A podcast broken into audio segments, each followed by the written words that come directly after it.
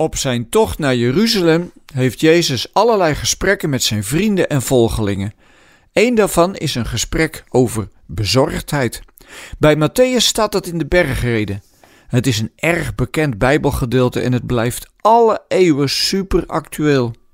Toen ik vanmiddag naar huis reed, hoorde ik weer eens een reclame over beveiliging van je huis. Camera's of een alarmsysteem. En de reclameboodschap bevat natuurlijk een aantal bangmakerijen om het product goed te kunnen verkopen. En weet je, volgens mij is er volop markt voor. Want als wij één ding willen in onze tijd, is het wel alles onder controle houden. Ik heb het vast al vaker gezegd, maar we lijden in onze tijd aan controledrang, prestatiedrang of dwang en perfectionisme.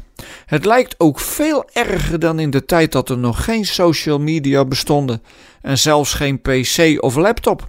Want juist via het digitale gebeuren kunnen we enorm veel controle op alles uitoefenen, zelfs op hoe we eruit zien met onze profielfoto.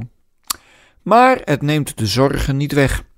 In de ene tijd komen de zorgen wat meer naar voren dan in de andere, en onze tijd staat er werkelijk bol van.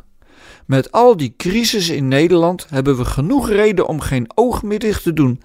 Hoe moet je daar nu mee omgaan als christen? Als Jezus zegt dat we ons geen zorgen hoeven maken over ons leven, klinkt dat fantastisch. Maar hoe breng je zoiets in de praktijk? Er zijn mensen die geen verzekeringen afsluiten als die niet verplicht zijn, omdat ze op God willen vertrouwen. Nou, pet je af hoor, pet je af voor zoveel geloof. Ik heb wel verzekeringen, omdat ik het mijn verantwoordelijkheid vind om alles goed en veilig te beheren. Maar het is maar net hoe je het allemaal bekijkt. Waar het Jezus om gaat in dit Bijbelgedeelte is dieper dan alle praktische maatregelen die je al of niet neemt. Het gaat hem om de vraag: waar draait je veiligheid en vertrouwen om? Wat is het diepste ankerpunt in je leven? En die vraag gaat niet alleen over je verzekeringen of je alarmsysteem, maar om je leven zelf.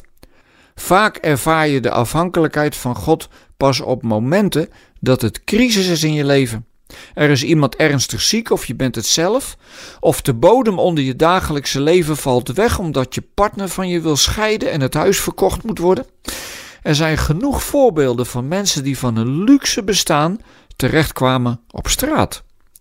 Wat zou het mooi zijn als wij die afhankelijkheid niet in een crisissituatie pas ervaren, maar juist al aan het begin van elke dag.